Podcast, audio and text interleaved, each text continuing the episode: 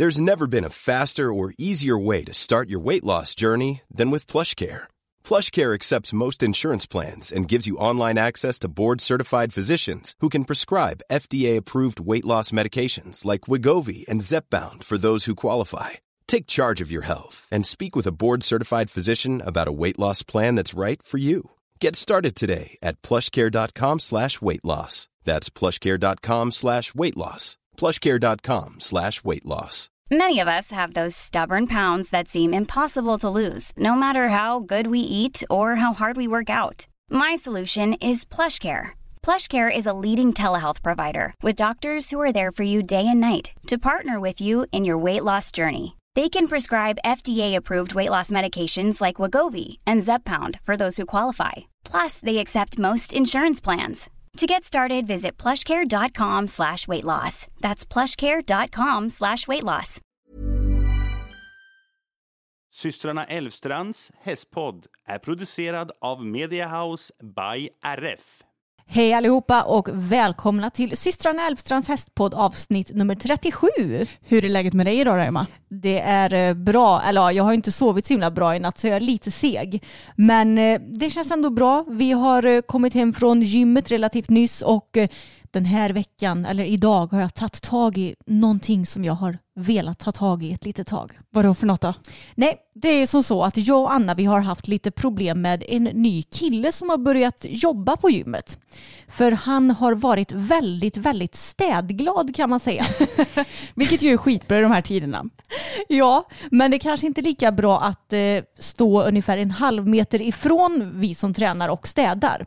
Alltså han har gjort det seriöst varje gång han han har jobbat och vi har varit där på morgonen så har han städat. Han dammar, han dammsuger, han eh, skurar och det är inte så att han passar på att göra det när inte något folk är där, utan han har gjort det varje gång när vi är där.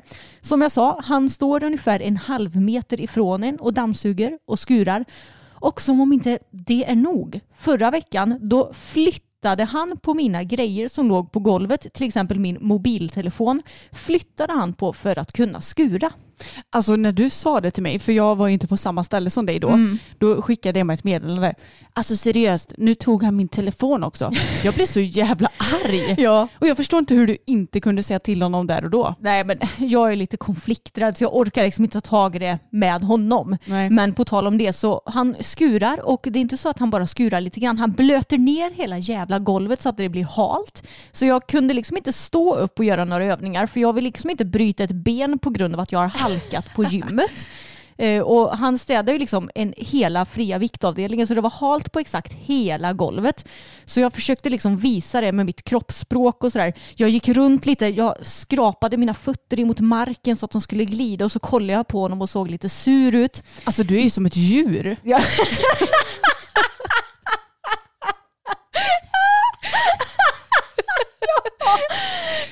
Du är inte som en människa som kan säga att det här, så här kan du ju fan inte göra. Nej. Utan du, du, du bara visar liksom ditt missnöje som en sur, ett surt stå eller någonting. Ja, jag vet. Men jag tycker inte att det är mitt jobb att säga till honom. Förvisso inte, Mm. men å andra sidan är ju du kund där. Så du måste ju ändå kunna säga till honom att alltså, kan du ta lite mindre vatten eller kan du skura när jag inte är här? Jag Eller, vet. ja. Det hade varit en sak om man hade gjort det en gång. Men seriöst, jag lovar det är nio av tio gånger som vi har varit där nu det senaste Ja, så har det varit på så. riktigt. Men i alla fall, som jag sa, idag har jag tagit tag i problemet. För idag var äntligen platschefen på plats och jobbade och vi känner ju henne. Och vi vet ju om att det är hon som är chef. Så då sa jag till henne och berättade om problemet. Så det verkar som om hon ska säga till honom i alla fall så får vi se om det blir någon skillnad. Ja, skönt. Alltså det här med olika typer på gymmet, vi måste nästan ta och prata om det i ett annat poddavsnitt känner jag. För att det finns en hel del konstiga folk.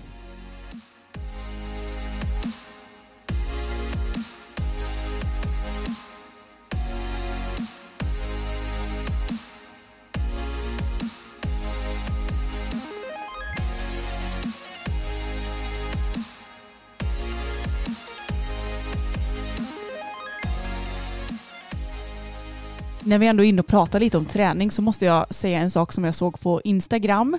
Och som jag sagt tidigare så är det inte så att jag följer sådär jättemånga men jag tycker det är kul att klicka sig runt lite ibland bland de lite större kontona och eh, trillade in på nu kan jag inte ens uttala hennes namn, Katrin Dufours fästmö, eh, vad heter hon, Rasmin. Ja.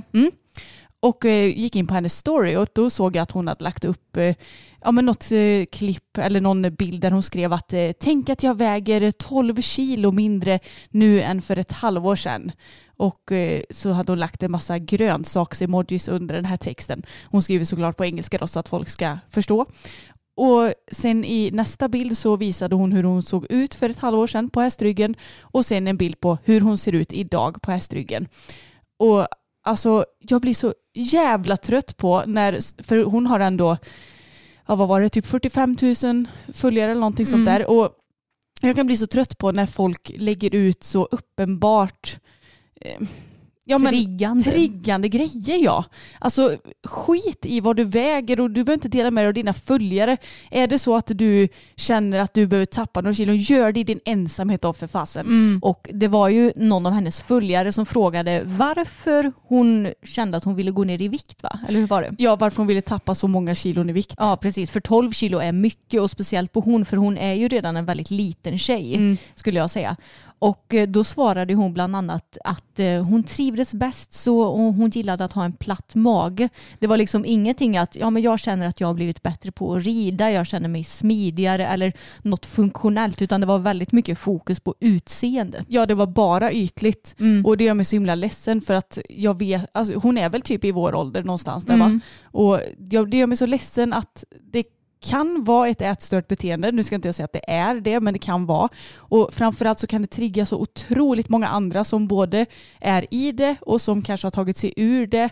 Och det blir bara så farligt. Alltså när ska vi sluta och mata folk med vikthets? Jag fattar inte. Ja, och när ska vi sluta fokusera på hur våra kroppar ser ut? Det viktiga är väl ändå hur de funkar och speciellt som ryttare.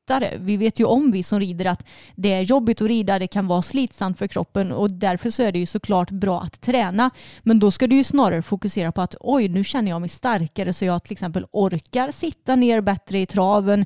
Jag orkar, eh, eller jag har bättre uthållighet en hel hoppbana eller vad det nu kan vara skit i om du har en platt mage eller inte. Det är inte det som spelar någon roll. Nej och ursäkta men det har typ ingen för att vi kvinnor är, har liksom ganska mycket fett på vår mage för att vi biologiskt vis ska bli gravida även om alla kanske inte vill eller kan det. Men nu känner jag att jag har fått ragea av mig lite och jag måste säga det också att jag har inte kunnat gymma som vanligt det senaste för att jag skadade typ min rygg lite grann i förra veckan. Ja. Jag skulle göra en eh, magövning, jag vet inte ens vad den kallas, men man står på golvet, håller i en vikt eller kör utan vikt, det är ju såklart valfritt, men jag höll i 20 kilos vikt, vilket jag är van vid. Och så ska man liksom böja överkroppen lite grann åt sidan för att träna sidomagmusklerna. Och jag körde på första sättet, tredje repetitionen, så kände jag bara hur det drog till i ryggen. Och jag bara, Emma kan du ta mig vikt? Som tur var var vi på samma ställe, annars vet jag inte riktigt. Jag hade väl bara fått kasta vikten på marken eller ja. någonting. Hoppas att den inte hade träffat fötterna. Ja men typ. Och sen så hade jag jätteont och framförallt hade jag så himla ont just den dagen. Och jag vet inte om jag fick någon sträckning eller låsning eller vad det nu var. Men det är ju åtgärdat av vår kära naprapat nu så det Mm. känns skönt. Ja, alltså vår naprapat han är verkligen bäst. Lars heter han och eh, han eh, finns i Allingsås på Allingsås naprapatklinik ifall någon här omkring behöver en bra naprapat. Och jag började gå till honom efter att jag fick mitt diskbrock så jag kanske träffade honom första gången i, ja men säg typ februari 2019 kanske. Hjälp vad länge sedan du, du hade ditt diskbrock. Ja det är snart två år sedan. Jag fick mitt diskbrock i december 2018. Precis ja det var precis innan jul. Jag hade jättetrevlig jul och nyår 2018 som ni Ja. säkert förstår. Men vi har ju gått hos honom, ja, jag då i snart två år blir det. Och seriöst, han gör verkligen underverk för kroppen. Ja, alltså han är den första personen som jag har gått till som inte bara japp, eh, klämmer liksom inte igenom och tittar utan man slänger sig på en bänk och så drar och sliter de lite igen och det knakar och har sig om de drar i nacken och det, det är liksom så här, ja så nu ser du hyfsat rak ut typ. Och så får man gå därifrån. Utan han, han är så noggrann och det är på detaljnivå. Jag vet att vi har pratat om det här lite tidigare. Men att han verkligen tittar så här, hmm, ja om jag trycker på den där punkten då blir du lite snedare där. Och han är så himla noggrann. Mm. Och han jobbar med kroppen. För i början, efter mitt diskbråck, så gjorde han väldigt, väldigt små justeringar. Och sen gick jag dit i lite, vad ska man säga, tätare intervaller istället. För att liksom vad ska man säga, bygga upp kroppen långsiktigt. För grejen är att om du gör stora justeringar på din kropp med en gång, då kommer den att säga ifrån. Och eh, han är ju väldigt noggrann med att jobba med kroppen och ta det som sagt långsiktigt. Och jag har alltid varit skev på det viset att jag blir roterad i bäckenet så att mitt vänstra ben blir kortare. Och jag tror att det var så även innan jag fick diskbrock men såklart det har blivit värre efter diskbrocket. Men blir du roterad så att ditt bäcken liksom roteras framåt eller åt sidan? Eller liksom... Ja, jag tror det blir att det roteras framåt. Mm. Alltså att eh, mitt högra bäcken åker bak och mitt vänstra bäcken åker fram. Mm, precis. Är jag ganska säker på att det är. Så det är ju det som han får justera varje gång. Men han mäter ju alltid benen också, både ja, vad ska man säga, innan han börjar justera och under tiden. Och då ligger man på mage och så håller han ihop fötterna och mäter av vart hälarna befinner sig mot varandra för att kunna se hur eh, stor skillnad det är i längd på benen. Och eh, tidigare så har jag liksom haft ja, flera centimeter skillnad till en början till exempel. Och när han mäter så brukar man kunna känna av att oj, ja, idag är vänstra benet ändå en bit kortare än det högra. Men igår när vi var hos honom så kände jag wow, jag känner mig till och med lite rak innan han har börjat korrigera mig. Och det var jag med. Jag är liksom bättre i kroppen än någonsin nu. Känns inte det väldigt, väldigt skönt eller? Det känns väldigt skönt. Och eh, jag är ju också väldigt smärtfri i kroppen mm. just nu. Och det är ju mycket tack vare honom och sen såklart också tack vare min träning och allt vad det nu är. Men det är så himla skönt att äntligen ha en fungerande kropp för jag har haft så mycket problem med min kropp genom åren. Ja, och det är ju verkligen ett bevis på att träning och att ja, men gå regelbundet till någon naprapat eller liknande, det ger resultat. Och för min del så, jag vet inte riktigt varför jag var sned, men mitt högerben ville liksom tippa utåt hela tiden. Så att jag var lite skev i ena sidan och inte skev kanske så mycket om man tänker sig lodrätt utan mer vågrätt eller vad man ska säga. Mm. Men eh, det justerade han och det var igår vi var där och idag spelar vi in och jag har fortfarande lite ont i ryggen men det tar ju också några dagar innan kroppen vant sig vid den nya justeringen. Så det kommer bli bra och jag får bara hålla ut. Men på tal om det här med ja, naprapater och lite alternativmedicin så måste vi också ja, ska man säga, skicka ut en liten varning för här kommer en anekdot ifrån Emma Elfstrands liv. Det var ju nämligen så att innan jag fick mitt diskbrock så hade jag svinont i min ländrygg i ungefär ett halvårs tid. Och eh, det roliga är att efter att jag fick mitt diskbrock så upphörde den här smärtan i ländryggen helt och hållet. Så jag vet inte om det var någon typ för, försmak av diskbrocket eller vad ja, det var. Något förstadie kanske? Ja, för jag har aldrig haft problem med min ländrygg varken innan eller efter det. Men jag hade sånt problem. Jag gick till eh, sjukgymnast och eh, jag gymmade ju liksom regelbundet så det var ju inte direkt något som någon kunde hjälpa mig med. Och eh, så var jag lite desperat för vi hade varit på Elmia Horse Show på torsdagen och skulle dit igen på lördagen. Och på torsdagen, alltså jag hade så ont i min rygg så jag kunde knappt sitta, jag kunde knappt stå. Alltså jag, jag hade sån panik för att jag fick så ont. Och då är jag en väldigt smärttålig person ska sägas för jag har ju haft konstant värk i min kropp sedan jag var typ 14 så man har fått vänja sig. Och då hörde jag av mig till en man som, alltså jag vet inte ens vad han titulerar sig som, men han är väl typ specialist på idrottsskador. Mm. Men han är ju inte utbildad läkare. Nej, så att jag tror att det är något självutnämnt eh, ja. som han har eh, titulerat sig med. Jag tror det med och jag vet om att han har hjälpt jättemånga. Men eh, nu gick jag dit för att se ifall han kunde hjälpa mig med min stackars ländrygg. Och då kommer jag dit och han säger att ja, du är väldigt stel i dina vänstra rumpmuskler. Typ.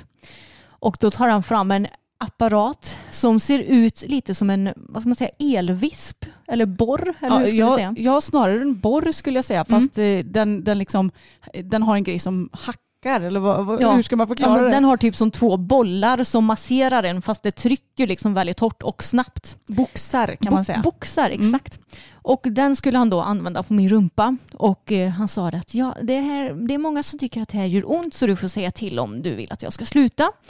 Men eh, ja, man är ju smärttålig som sagt och dessutom så tänkte jag att nej, nu jäklar biter jag ihop för om jag gör det så kanske det blir bättre imorgon. Och då kör han på och det gör så ont så att ögonen liksom tåras. Men jag andas igenom smärtan och jag håller ut och han bara går det bra? Och då säger jag ja men kör på. Eh, Sen efteråt så säger han att bara så du vet så kan det bli värre eh, imorgon så köp eh, Voltaren och Ipren eller vad det nu var. Jag bara, ja ja. Men sex timmar senare då går jag från att ha haft väldigt ont i min ländrygg till att i princip bli förlamad. Vi åkte hem till dig efteråt Anna Ja. och jag kunde först knappt ta mig ur bilen. Sen kommer jag in till dig, lägger mig i din soffa och sen kommer jag inte upp därifrån. Nej, alltså det är det sjukaste. Ja, det är det sjukaste jag har varit med om smärtmässigt tror jag. För jag kunde ligga på min rygg och då gjorde det inte så ont. Men så fort jag skulle liksom röra mig så att det liksom, vad ska man säga, tog i i ländryggen, så fort jag skulle röra mina ben eller min rygg. Det är så himla svårt att beskriva den här smärtan för jag har aldrig varit med om den tidigare. Men det kändes som om det tog tvärstopp. Alltså som att jag inte kunde ha ryggen i ett specifikt läge. Och om jag ändå tvingade mig till det, till exempel när jag försökte resa mig upp, så kändes det som om alla muskler i hela ryggen skulle gå av. Men kändes det typ som, men nu är det här kanske mycket mindre smärtmässigt då, men när man stretchar och man känner att shit vad stel jag är, var det så fast jävligt mycket ondare? Nej, Nej. en helt annan smärta. ja, men alltså, det är så konstigt. Det det är det absolut sjukaste jag varit med om. Så jag ligger på din soffa i först tre timmar innan vi inser att jag kommer inte kunna ta mig härifrån. Så vi ringer till ambulansen. Men jag var ju inte direkt en topp ett prioritering om man säger så. Nej, och det förstår jag väl för att det, det var inte så att det var akut men jag fick ju ringa upp ambulansen igen och bara alltså hon kissar på sig om inte ni kommer snart för att du var ju kissnödig dessutom. Och grejen är att jag hade ju först legat där i tre timmar och sen fick jag vänta i tre timmar på att ambulansen skulle komma. Så låg jag där på soffan och jag är normalt sett en väldigt kissnödig person så det var tur att jag ändå hade en icke-kissig dag kan man säga. Men då kom de och eh, jag fick eh, muskelavslappnande in i näsan. Du, de försökte först utan det här muskelavslappnande väl?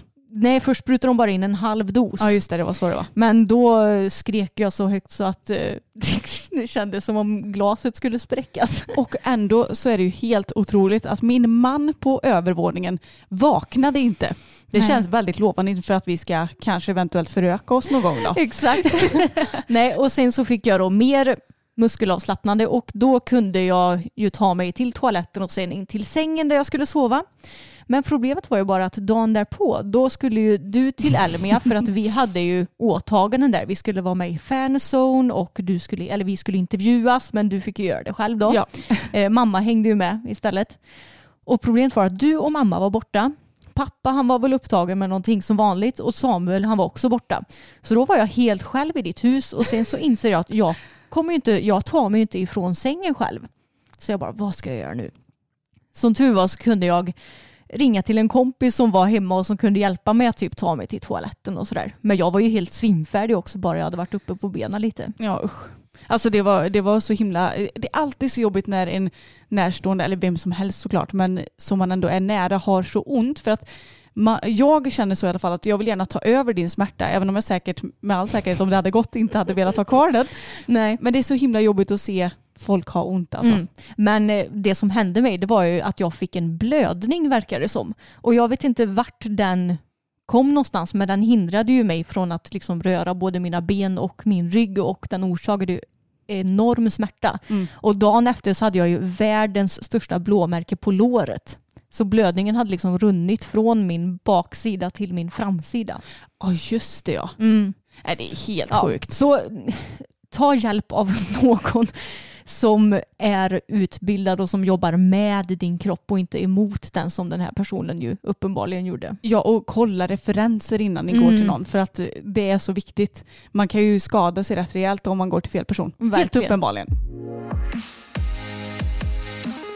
Något som var väldigt kul det var ju att du och Bella var jätte, jätteduktiga på tävling i helgen. Ja, och det var så kul. Det var ju vår en meter debut på två år. För senast jag tävlade en meter, ja det var ju typ eh, precis innan jag eh, fick den här lilla skadan som jag pratade om precis. Och Bella hon skadade ju sig också. I november 2018 så fick hon en diskskada. Och vi hann ju starta en meter en gång innan det. Det gick inte alls bra. Men vi hann starta i alla fall. Och nu så var det dags igen. Och jag var lite pirrig för det var så länge sedan som jag startade en meter. Även om jag och Bella liksom har tränat högre än så på träning och hon har känts otroligt bra på både tävling och träning det senaste. Men eh, jag hade ju inte behövt va- vara nervös känner jag så här i efterhand. För alltså hon var så klockren inne på banan. Ja men jag, jag sa ju att du inte behövde vara nervös. Nej. Och vi blev dubbelnolla, så det var jättekul. Och det, alltså med Bella, jag kan känna redan när jag rider emot första hindret att idag kommer jag vara felfri. För, Ja, så känner du det? ja, men hon är ju så underbar för jag vet ju om att ifall jag inte rider som en putta skit så river ju inte hon. Det är sant. Och jag kan tänka mig att du får det här härliga, eh, sugiga känslan mot hindren. Exakt, Mm. och jag vill ju ha den här sugiga känslan utan att hon känns spänd. För det har hon ju varit på vissa tävlingar också. Och det är ju anledningen till att det inte har gått bra på precis alla tävlingar. Men jag kände direkt när jag red mot första hindret att det här kommer gå bra. Och då får man liksom igång en så himla positiv känsla i hela kroppen och bara rider med flyt banan runt. Och, äh, men det kändes så jäkla bra och det kändes som att jag red bra hela banan. Bella gjorde sitt bästa hela banan. Så nej, jag har inget att klaga på. Tyckte du att det fanns någon svårighet på banan? Eh, alltså det var väl att omhoppningen kanske inte riktigt passade oss helt hundra. Eh, så, och sen så behöver vi träna mer på omhoppningen i de högre klasserna. För det är klart att jag vågar inte riktigt chansa lika mycket än i en meter som jag kanske vågar göra i 90 centimeter. För jag behöver ju känna mig lite mer trygg på höjden kanske och ska du ta riktigt snäva svängar så måste det ändå kännas väldigt enkelt eller vad man ska säga. Och sen så kändes distanserna ganska långa också och det var de, det var de inte bara för mig såg jag utan när vi tittade på andra som red så var det flera stycken som tog ett extra språng här och där. Mm. Så jag märkte det efter första distansen. Då fick jag lägga till ett till språng för att jag hade missberäknat lite hur mycket framåt jag behövde rida. Men då kunde jag korrigera det till resten av banan och eh, fick jättefint flyt. Ja, men alltså, jag tyckte ni gjorde en så himla himla bra runda och ni såg självsäkra ut och det var liksom inga konstigheter överhuvudtaget. Nej. Men som du säger, omhoppningen var inte jätterolig. Och vi har ju lagt upp en film på tävlingen så att ni kan gå in och kika så ser ni vad vi pratar om lite grann. Men jag, jag tyckte bara att jag som ändå har varit med på, ban, alltså på banan mycket som banchef det senaste tänkte bara, kunde det inte funnits någon lite roligare omhoppning än detta? Ja, den var inte så himla kul och den passade inte oss så bra. Då passade den opp- omhoppningen i Nygård oss mycket bättre. För Mm. där fanns det mycket fler valmöjligheter. Du kunde vända upp snävare på hindren och utan att det var liksom andra grejer i vägen på banan eller vad man ska säga. Så jag hoppas kanske få en lite roligare omhoppning nästa gång. Om jag kommer till omhoppning, vilket jag ju såklart hoppas på.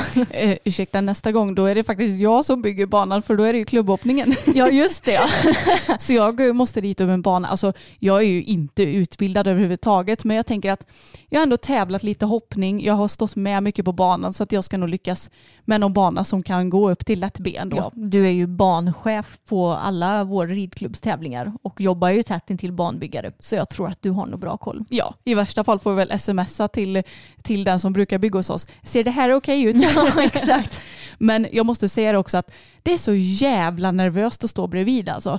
Det var ju ett tag sedan som jag gjorde det nu. Det, när jag konstaterade att det var i juli va? Mm. Eller när var det du var i Floby? Ja, precis. Ja, och då var jag inte riktigt lika nervös. Jag vet inte varför jag var mer nervös nu. Det kanske var för att du var lite nervös över en Ja, men jag tror det. Och när det var i Floby så var det bara 90 centimeter och det vet väl du om att ja, men det är inga problem. Men nu var det ändå, ändå en meterdebuten för första gången på ett tag så det blir ju en lite större deal. Ja, och jag kände det att för varje hinder så blev det bara jobbigare och jobbigare för mig och jag kände hur hjärtat slog och hur jag säkert flåsade. Det är ju tur att kameran inte tar upp lika mycket ljud bakåt som framåt för att Mm. annars hade folk säkert hört bara Men alltså jag blir så nervös och det, det, man blir ju nervös för att man vill att det ska gå bra och att det ska hålla hela vägen. Mm. Även om du hamnar inte på placering nu.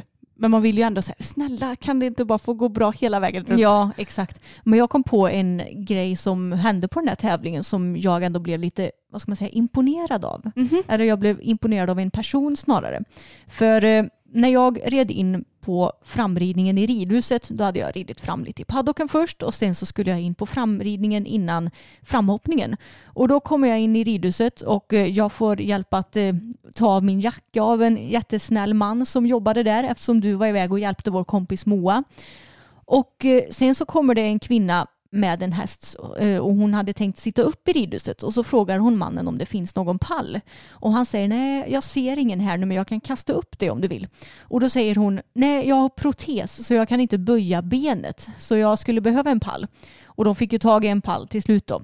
Men jag blev så imponerad av att en person som har protes ändå kan tävla hoppning på ja, men minst en meter nivå. Liksom. Wow. Mm. Undra hur den protesen ser ut. Om hon har eh, kvar, ja men säg att det enbart är vaden eller om det är hela benet eller hur det Mm. ser ut. Precis. Shit vad häftigt. Ja, du och jag vi är ju ändå lite Grace Anatomy-nördar. Ursäkta, lite. Eh, väldigt. Så vi har ju förstått det där med att en protes det är ju verkligen inte som att ha ett vad ska man säga, vanligt ben. Mm. Utan det är ju dels så orsakar det ju säkert väldigt mycket smärta framförallt i början. Det, du kommer inte alls att ha samma balans. Det tar jättelång tid att eh, ja, vad ska man säga, vänja sig vid det. Och överlag det är väldigt mycket svårare än att ha ett vanligt ben. Så Mm. jag är sjukt imponerad över att man kan ha protes och tävla i hoppning och hålla balansen, kunna inverka så pass bra på hästen som det behövs. Nej, sånt tycker jag är väldigt inspirerande. Ja, shit vad häftigt alltså. Men då kan jag säga att då var det tur att hon inte lånade den pallen som var på parkeringen när jag hjälpte Moa att göra i ordning hennes häst. Mm. Så var det nämligen en kvinna som skulle sitta upp på sin häst och eh, de här pallarna som man kan ta med sig väldigt enkelt, de är ju väldigt populära att ha i transporten. Det är en liten, liten plastpall, den är ju jättelåg så därav Mm. har varken jag eller Emma införskaffat någon sån. Nej. Och hon ställde upp den här pallen, klev upp på den och skulle sitta upp på sin häst och det sa bara pang. Så smällde det till och då trampade hon igenom den här pallen. Och hästarna blev jätteuppstissade och Mm. rädda. Men så tur var gick det ju bra med den här kvinnan då. Men alltså de här pallarna, finns det inga bättre pallar som är smidiga att få med sig än de där Ja. dåliga plastpallarna? För det, det är precis det här jag tänkte att det kommer att hända. Jag vet, alltså jag får panik på så många pallar som finns där ute. Dels de här träpallarna som det känns som att de ska gå sönder vilken dag som helst. Liksom man bara väntar på att de ska gå sönder.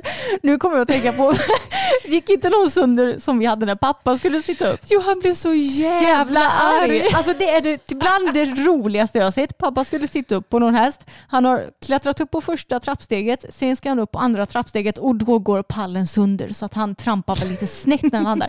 Han blir så arg! Så han bara den här jävla pallen! Så tar han upp pallen och kastar ut den ifrån paddocken. Och hästarna bara, vad är det med honom? Ja. Och att tillägga sig att pappa typ aldrig blir arg. Nej, alltså det var bland det absolut roligaste jag har sett. Han blev så arg för att pallen gick sönder.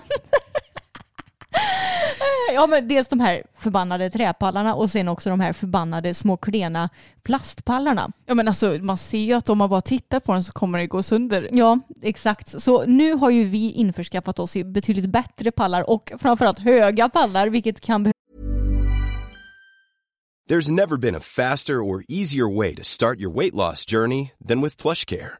PlushCare accepts most insurance plans and gives you online access to board-certified physicians who can prescribe FDA-approved weight loss medications like Wigovi and Zepbound for those who qualify. Take charge of your health and speak with a board-certified physician about a weight loss plan that's right for you. Get started today at plushcare.com slash weight loss. That's plushcare.com slash weight loss. plushcare.com slash weight loss. Imagine the softest sheets you've ever felt. Now imagine them getting even softer over time. That's what you'll feel with Bowl and Branch's organic cotton sheets. In a recent customer survey, 96% replied that Bowl and Branch sheets get softer with every wash. Start getting your best night's sleep in these sheets that get softer and softer for years to come. Try their sheets with a 30-night guarantee. Plus, get 15% off your first order at bowlandbranch.com. Code BUTTERY. Exclusions apply. See site for details. behövas när kylskåpet Emma ska ta sig upp på våra hästar som är rätt så gigantiska. Vi köpte ju dels en väldigt stabil, ja vad ska man säga, den är ju plast, plastpall från GHS för förra året. Ja det kan nog varit ja. Mm. Som är liksom lite mer som en trappa och den har inga hål i sig utan det är vår utritspall. Ja alltså egentligen så här i efterhand så är det en ganska onödig eh, pall som vi köpte oss. Nej. Men Den Tycker tål, den tål alla väder, den kan stå ute, den är jättebra när vi hoppar upp och ska rida ut. Man Jo. halkar inte med den för den har så här eh, räfflat på sig också. jo men tanken från början var väl egentligen att den skulle vara i paddocken. Men nu blev det inte så för nu har vi en annan pall i paddocken istället. Och vart är den ifrån Anna? Det- Rusta? Nej. Mm, Det var ju mamma som köpte den. Mm. Jag kommer inte riktigt ihåg om det var Jula eller Rusta eller något sånt. Men Mm. det är ju en sån där kedja. Jag, jag tar och skickar ett sms så hon kommer ju säkert att återkomma snart så får vi se Mm. vart den är ifrån. Men i alla fall, den är skitbra. Den har, nu ska vi se här, tre, alltså den är hög. Ja, men den har ju två små trappsteg och så en eh, övre plan eller vad Ja, man nu ska förklara. Exakt. Och den är gjord i metall och den går samtidigt att liksom vika ihop. Så den är ju ändå ganska smidig att ha med sig. Så vi tar ju alltid med oss den på tävling. Och den håller ju verkligen kan man säga. Ja, alltså, den tar ju ändå lite plats eftersom den är ganska hög. Men eftersom den går att vika ihop så går den ändå att lägga typ var som helst. Så den Mm. är skitbra. Japp, det enda negativa är att jag är alltid lite rädd att någon häst ska liksom trampa och fastna i den. Ja, men det ska nog ganska mycket till om de ska lyckas med det. Jo, jag vet. Och våra hästar de är, de, de är ju snälla, de står ju still och sådär när man sitter upp. Men jag Ja. skulle kanske inte vilja sitta upp på den på någon häst som är så här woohoo som vissa hästar är när man ska sitta upp. Ja, men eftersom vi fick hjälpa vår kompis Moa lite grann och hon red efter dig så stannade jag ju kvar på läktaren och tittade på några ekipage däremellan. Och ett fenomen som jag aldrig kommer förstå, som jag tror att vi har tagit upp tidigare, det är det här med folk som antingen travar eller galopperar både in och ut från banan. Ja, det var folk som gjorde det alltså. Ja, och jag blir så trött. Det var, det var nog någon som till och med sa jag måste springa in på banan så kan du flytta dig inte på dig. Jag bara, Va? men alltså vad är anledningen? Ja. Kommer inte hästen in om den får skritta in eller vad är problemet? Mm. Då får du ju ta och träna din häst så att den kan det. Ja, alltså det är ju stor skaderisk om hästarna ska springa in och ut från banan. Det är ju extremt stor skaderisk och jag menar eh, om man om hästen till exempel blir rädd för någonting så kan den kasta sig åt sidan. Då har du plötsligt inget ben kvar kanske Mm. om den kastar sig i fel tillfälle. Och det är skaderisk mot funktionärerna och det är respektlöst utav bara tusan. Så att kan vi snälla komma överens om att man ska skritta både in och ut från banan. Ja, Tack. Jag fick för övrigt svar från mamma nu och hon tror att hon köpte den på Rusta. mm, jag sa ju det. Ja, hon skrev Rusta i Lidköping men det bör ju finnas på alla Rusta. Ja. Om den nu finns kvar det vill säga. Eh, Men på tal om tävlingen också. En annan sak som jag måste ragea lite på. Det är det här med folk som inte kan göra rent efter sig när de har gått på dass. ja, just det. Ja.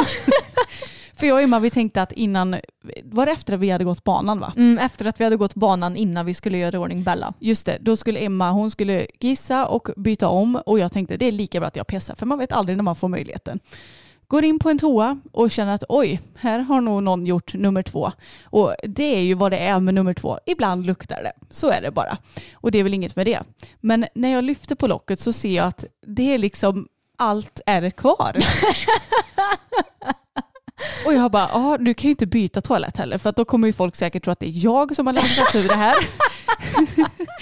Så då är det ju bara att göra rent. Åh. Alltså jag blir så trött. För grejen är så här.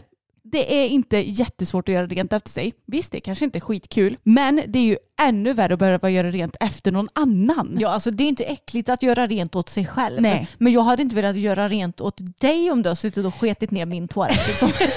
Nej men exakt. Det vill man ju inte. Så att, kan folk bara ta hand om sin skit bokstavligt talat? ja, alltså det, det här låter ju som en manlig arbetsplats plats där liksom eh, männen tycker att det är kul. "Äh, Jag har bajsat ner hela toan. Ja. Eh, Det kommer bli jättejobbigt för dig att gå in efter mig för det luktar skit och jag, jag har lämnat kvar efter mig. Där De- bajshumor typ är kul. Men alltså hade de inte spolat överhuvudtaget? Nej. Men alltså herregud. Det var både papper och annat kvar kan jag säga. Alltså vad är det för fel på folk? Jag undrar det också jag kände bara att jag vill typ duscha här efteråt men det kan jag inte göra. Mm. Nej men alltså snälla människor där ute i vårt avlånga land. Tvätta rent toaletten. Gud vad jag är glad att jag fick en fräsch toalett för jag bytte ju som sagt om och så också. Jag valde rätt kan man säga. Du valde väldigt rätt och jag skulle helt klart tagit någon annan toalett. Men om vi ska fortsätta snacka lite tävling så har jag också kikat lite på tävling Mm. på Youtube för då sänder de live ifrån världscupen i dressyr i Danmark. Och eh, jag ville kika för att eh, Johanna Duboye skulle ju göra debut i världscupen och eh, jag tycker att hon är väldigt duktig och rider väldigt trevligt. Så då ville jag se henne och då blev det att jag kikade på lite andra ekipage också. Men man hinner ju inte ens mer än att sätta sig där i soffan och slå på Youtube och tänka att man kanske ska ha en lite trevlig stund i alla fall. Nej, det första man ser det är en häst som går och gapar exakt hela dressyrprogrammet. Alltså den gapa, stängde mun, gapa, stängde mun. Det var verkligen som att så fort ryttaren tog i kandaret så gapade den. Den bara släpp mig fri, skrek liksom hela hästens uttryck. Det såg inte harmoniskt ut för fem öre utan det såg bara plågsamt ut och jag kände bara nej fy fan alltså jag mår illa av att se det här. Mm. Kunde du, eller stängde du av eller fortsatte du att titta? Jag la upp två ilskna stories på Instagram. Ja det, det såg jag. Jag var ju på kalas samtidigt så jag kunde inte titta själv. Nej, där jag beklagade mig och eh, de, det verkar som att många höll med mig. Mm. Så ifall ni inte följer våra stories på Instagram så är det sånt här som ni kan missa. Ja. Nej men då la jag upp så här inzoomade filmer på hästens ansikte helt enkelt. Och det såg ju verkligen inte trevligt ut. Och det som jag kan bli så bestört över det är att sådana här ritter premieras ändå med bra poäng. Alltså den här, det här ekipaget fick vad jag vill minnas bra poäng på ja, det som jag såg då. Och sen i kyren så fick de ännu bättre poäng och då bedöms ju även harmonin mellan häst och ryttare och jag tror de fick säkert typ åtta och en halv eller något sånt där i snitt på det. Och jag tvivlar ju att det såg eh, annorlunda ut i kyren. Ja. Jag blir, jag blir så trött på den här dressyrsporten och bedömningen. Men det har vi ju snackat om väldigt, väldigt mycket det Ja. senaste. Men jag, jag blir bara så trött att det, det inte liksom ska uh, dömas ner uppenbarligen någonting med att en häst som går och gapar och ser jätteotrivsam ut. Men att fokus har sin tunga liksom vilandes ute på sidan det är ju tydligen det värsta som kan ske enligt vissa dressyrdomare. ja, de verkar ju få panik som ändå frågar mig om tungan in, ens innan start till och med. Mm. Nej, Jag, jag kan också bli så himla trött och det är klart som tusan att hästar gapar ibland. Det kan ju vara att man, ja men antingen att de eh, bara gör det eller så kan, kanske man har tagit ett lite för hårt tygeltag eller vad som helst. Det är ju inte något konstigt. Herregud, våra hästar gapar ibland också. Det är inte så att vi är några änglar som, våra hästar har alltid stängda munnar. Men när den gapar, alltså det var ju nästan i takt med musiken liksom. Ja, ja. Mm, mm, mm, var, mm, alltså munnen var ju öppen mer än vad den var stängd. Eh, då, då börjar man ju fundera på vad man håller på med. Ja, men jag måste säga att då i de stunderna så är det trevligt att se ryttare som typ Johanna Duboye för hon rider ju Macy både i väldigt trevlig form. Det är en av få hästar faktiskt där nacken är som högsta punkt och hästen går på lod och hon rider så mjukt och fint. Hästen har stängd mun och det ser liksom harmoniskt ut. Så eh, jag tycker att de ritterna borde belönas eller sån ridning borde belönas helt enkelt. Mm, jag håller med. Och nu ska inte det här handla om tävlingar hela det här avsnittet också, vilket vi tydligen tycker är väldigt kul att prata om nu. Men det är ju tävlingssäsong och vi är igång för fullt och jag och Fokus ska faktiskt starta både 80 och 90 på söndag nu när vi spelar in. Så det ska bli jättespännande att starta två klasser med honom. Men han har ju varit en liten stjärna han också, även om det inte har varit på någon träning eller tävling. Nej, det har varit eh, stjärna i hemmaplan i skogen kan man säga. Mm. För ni som har följt oss länge, ni vet ju att när jag köpte Fokus så, ja alltså han var ju jättejobbig att rida ut på. Han stegrade och han backade ner i diken och han kastade sig runt och han jag vet inte, han gjorde typ allt som man kan göra och jag var livrädd rent ut sagt och grät på uteritterna och, och sådär. Men jag är ju envisare än en åsna så att jag ger inte upp på mina kära uteritter för jag tycker att de är alldeles för viktiga för att inte. Ja, precis, för att bortprioriteras. Men i den här veckan som var så lyckades vi ta oss ut på en läskig grusvägsrunda helt ensamma. Och han var så fantastiskt härlig att rida och det var så roligt för att Ja men visst, det var någon gång som han kände att nu vågar inte jag, hjälp jag får panik och jag måste backa ner här i diket och, eh, och sen så väntade jag bara ut honom och så kunde vi rida vidare. Och han var ju såklart lite spänd och det var inte så att han med gott självförtroende red igenom de här, alltså man rider ju igenom två, tre gårdar eller någonting som är massa grejer på. Alltså det är ju så här riktiga bonnagårdar med skit ta mig fasen överallt. eh, vilket är jättebra för att vi behöver träna på miljöträning. Så det var inte så att han bara, ja ja, jag skiter i det här, utan han tittade såklart. Men han gjorde det. Och vi kom hem helskinnade båda två. Men det är många som frågar hur jag brukar göra på utritter, för det är ju framförallt jag som har ridit på de här Krånglobert hästarna. så jag tänkte att jag skulle ta upp lite det. Och om vi går tillbaka lite till Tage hur han var när han var som jobbigast så var han ju kanske snarare en sån som sprang ner i dikena med röven typ. Kommer du ihåg det? Jajamän. Mm. Kunde backa in till nära eltrådar och sånt som man var livrädd att man skulle få en stöt. Och alltså, han stack aldrig. Nej. Men han smågalopperade hemåt och var liksom mycket mer stress, stressad i sitt uttryck att Mm. springa och så. Ja men grejen, han vill ju inte ens lämna gården. Nej, Han, Alltså- var, han var hemsk. Ja, så fort man kom och bara nu ska vi lämna gården. Han bara nej du. Så stegrade han och så ville han springa tillbaka hem igen Mm. och var pissjobbig.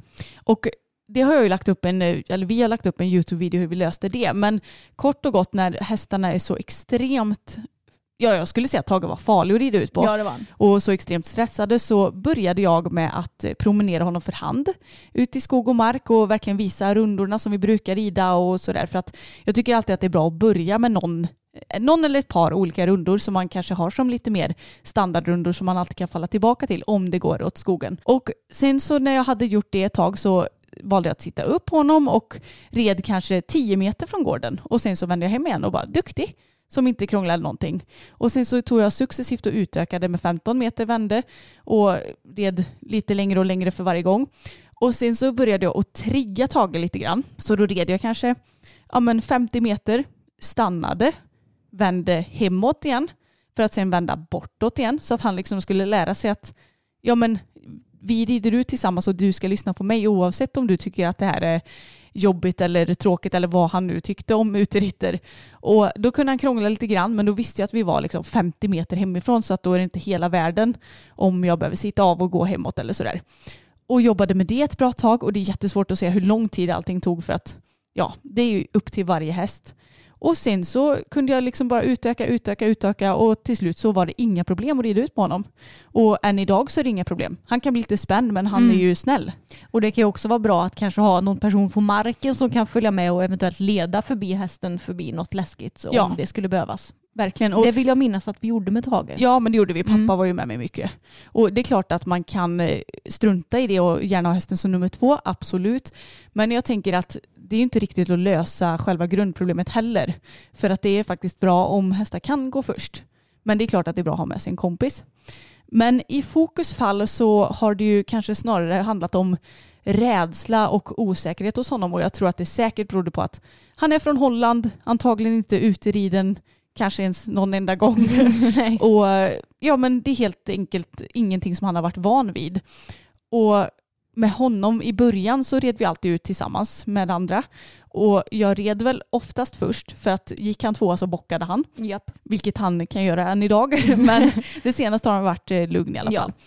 Och jag har egentligen bara mängdtränat och ridit ut så mycket jag bara kan. Och sen när han har stannat och backat ner i diken och sånt där så har jag lättat lite på tygen, väntat tills han själv har stannat och då liksom visat honom att ja men det är lugnt, det är ingen fara. Och i värsta fall så har jag ställt rumpan åt det hållet jag vill och backat honom en liten bit för att sen vända upp igen mot det hållet jag vill gå och försöka igen. Och jag tycker att det är ett väldigt bra sätt att ta till om det skulle ja, men gå åt skogen. Ja. Att man backar. Alltså många gånger så tycker de ju, eller jag, jag tror att de inser att okej det är ju faktiskt jobbigare att hålla på och backa än att bara gå dit matte ber mig att gå. Mm, men precis. Och Fokus har ju aldrig varit farlig i den mån att han har ställt sig högt eller att han har försökt att få av mig för det har han ju faktiskt inte gjort. Nej.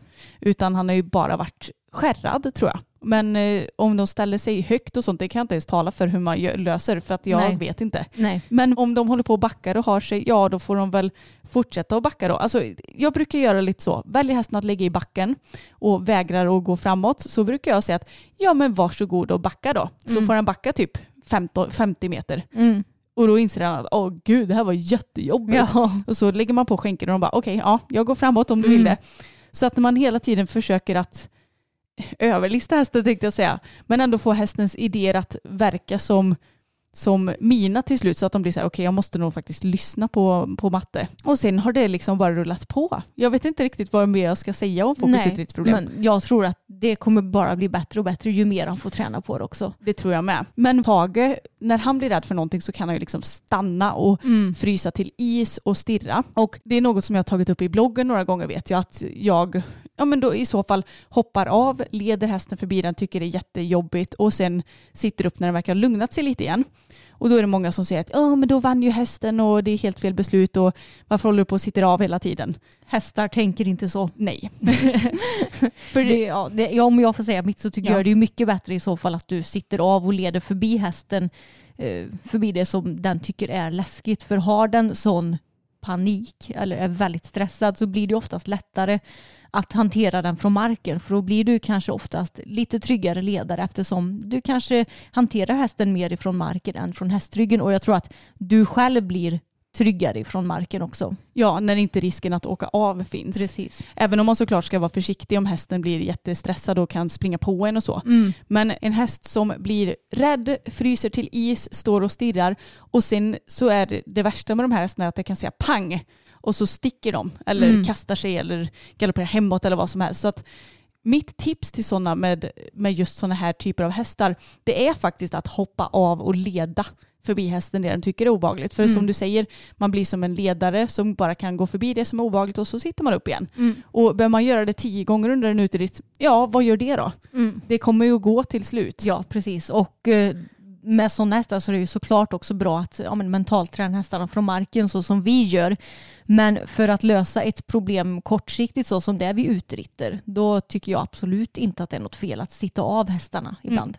Och är det så att de håller på och krånglar som till exempel fokus som backar ner i diken och sånt, då kan man ju lösa det lite mer uppifrån hästryggen. Ja, Men eh, bara försöka ha så mycket tålamod man kan och ja, bara träna på så kommer det gå alldeles utmärkt till slut. men på tal om det här med mentalträning så känner jag att jag har nästan haft, vi snackade ju lite om dåligt samvete i förra avsnittet och Mm. jag kan ju få lite dåligt samvete när jag inte ja, men hinner med de grejerna som jag kanske vill hinna med. Och nu det senaste så har det varit mentalträningen för hästarna.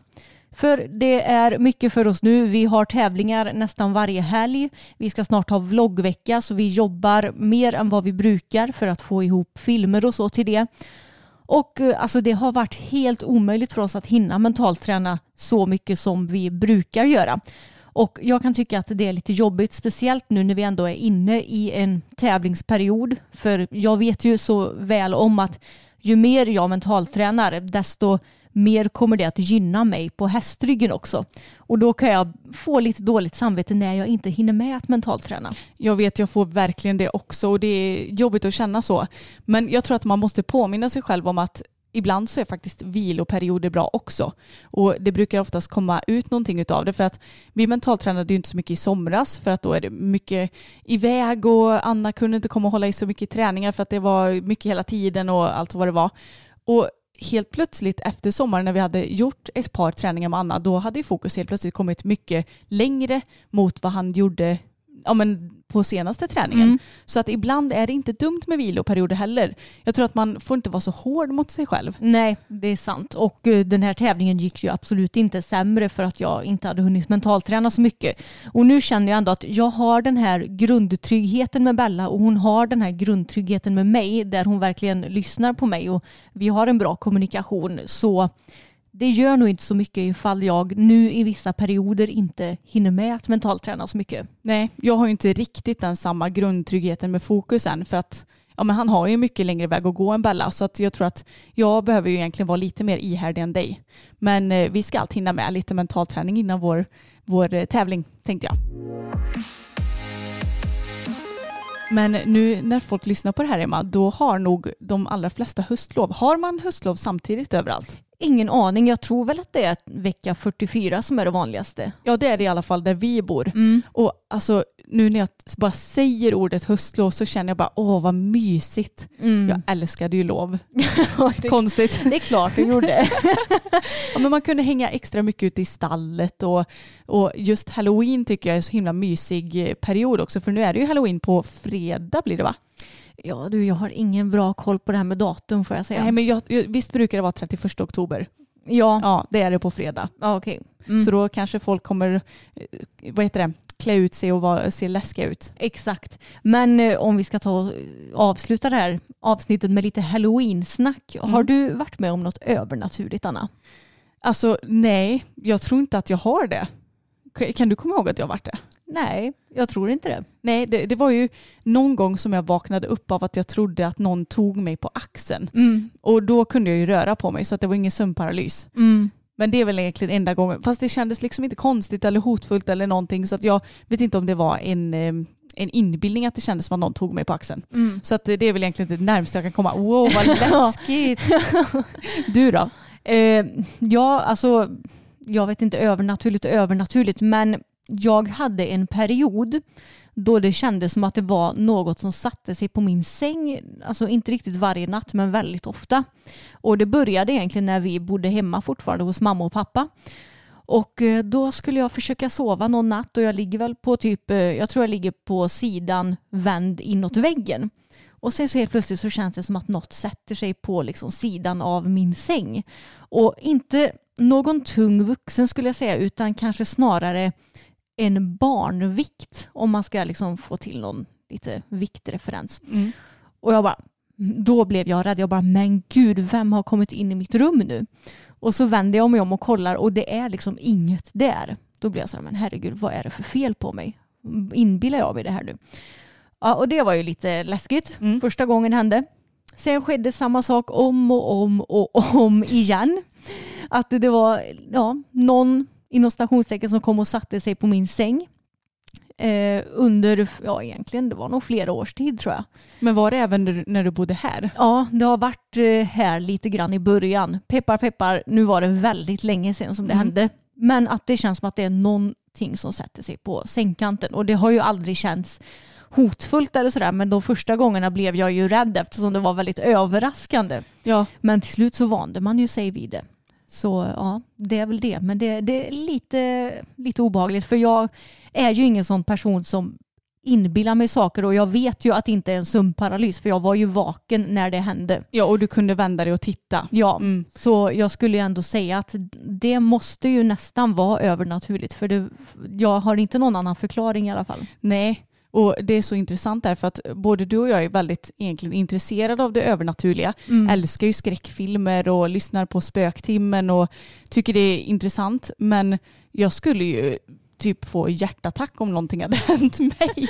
Ja, alltså, vi har ju hört en del historier från kompisar och sådär som har varit med om övernaturliga grejer. Men det har ju inte vi varit, förutom det här då, och det är ju en väldigt trökig övernaturlig historia. Ja, det kändes som att någon satte sig på sängen. Ja. Men liksom, inget annat har vi varit med om. Mm. Och vad jag har förstått det som, personer som lätt får sömnparalyser, de, har, de ska ha enklare för att öppna upp sig för andra dimensioner. Och det är ju logiskt. Och personer som kan öppna upp sig lättare för andra dimensioner ska ju också ja, men ha lättare för att ta åt sig av eh, andra energier och kanske övernaturligheter. Men det har alltid känts som att du och jag är extremt icke-mottagliga för sånt. Jag tror det också, men jag tror att det är att vi inte vill det heller. Tror så, inte det? Jo, så kan det nog vara. För att vi, jag tror att eh, alltså vi kan säkert kanske kunna det om vi verkligen, ja, nu vet jag inte ens hur man gör, men Nej. om vi försöker. Men Mm. jag, jag vill inte så att jag undviker det. Inte jag heller. Jag har ju förstått att det är någonting som man kan träna upp om man Mm. vill det. Men eh, jag är inte så sugen på det. Alla spöken kan eh, med gott samvete hålla sig ifrån mig och min lilla gård. Jag tror inte att det spökar här. Du har... Men ni- gud, nu kom jag på en grej. Ja, jag vet. Samuel har ju, han tror ju absolut inte på det övernaturliga överhuvudtaget. Utan är väldigt såhär, ja ja. Men eh, han tror ju sig ha upplevt någonting på vår gård. Eller ja, gård och gård, men vårt hus.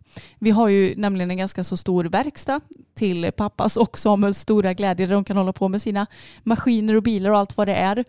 Och Samuel, när han stod och grejade en kväll så tyckte han att han kände en energi bredvid sig när han stod. Han stod väl under en motorhuv och grejade. Mm. Och då kände han en energi. Och den har också hans bästa kompis pappa känt av i trädgården. Mm. Men ingen av dem säger att det är någon hotfull energi. Och jag har aldrig känt någonting alls. Så att jag eh, hoppas att det håller sig där.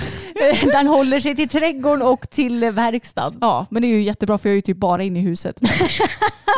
Jag har inte heller känt av den här energin kan jag ju säga. Nej, ja, men det, är, det är intressant även om det är väldigt obehagligt här med Ja. övernaturlighet. Men hoppas att ni får ett fantastiskt höstlov, ni som har höstlov. Det har ju inte vi, Nej, för vi jobbar ju. jajamän. Och eh, hoppas att ni får en rolig halloween, även om det kanske inte är som det brukar i år.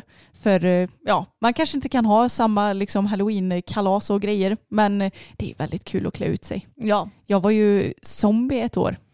Som Ja. vi filmade in till vår YouTube-kanal. Just det, ja. Zombieryttare. Mm. Mm. Zombie-tävlingsryttare till och med. Ja, det var, det var en intressant inspelning för oj, oj, oj, vi var inte så glada då för vi filmade ute i skogen och det regnade och hästen eh, gjorde väl inte exakt det som vi ville att den skulle göra. Så det blev till slut en ganska bra video, men vi kämpade ordentligt. Ska vi ta och länka den i beskrivningen? Vi får gärna göra det. Men det roliga är att alltså, vi är ju sådana öskådespelare så det finns inte egentligen. Men jag tyckte ändå att den blev helt okej. Det tycker jag med. Ja, så att, eh, vi, jag tyckte ändå att vi gjorde ett bra jobb där. Ja, det tycker jag med. Men vi länkar den nere i beskrivningen och Mm. eh, då får ni också se hur jag sminkade mig. Precis, och glöm inte bort att prenumerera på YouTube-kanalen för nu är vi snart uppe i 50 000 prenumeranter.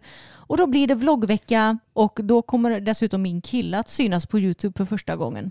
Ja, alltså ni vill inte missa det faktiskt. Nej, Så alla som, eller alla som tittar på YouTube, om ni inte har någon, någon eh, inloggning eller så så ni kan prenumerera, fixa det ni gulliga. ja.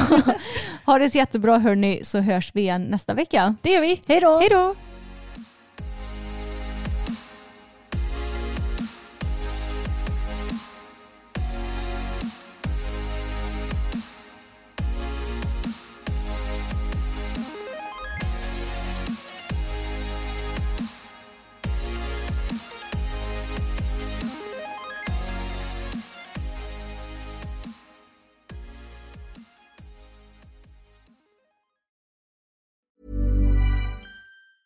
A lot can happen in the next three years. Like a chatbot may be your new best friend. But what won't change? Needing health insurance. United Healthcare Tri Term Medical Plans are available for these changing times. Underwritten by Golden Rule Insurance Company, they offer budget friendly, flexible coverage for people who are in between jobs or missed open enrollment. The plans last nearly three years in some states, with access to a nationwide network of doctors and hospitals. So, for whatever tomorrow brings, United Healthcare Tri Term Medical Plans may be for you. Learn more at uh1.com.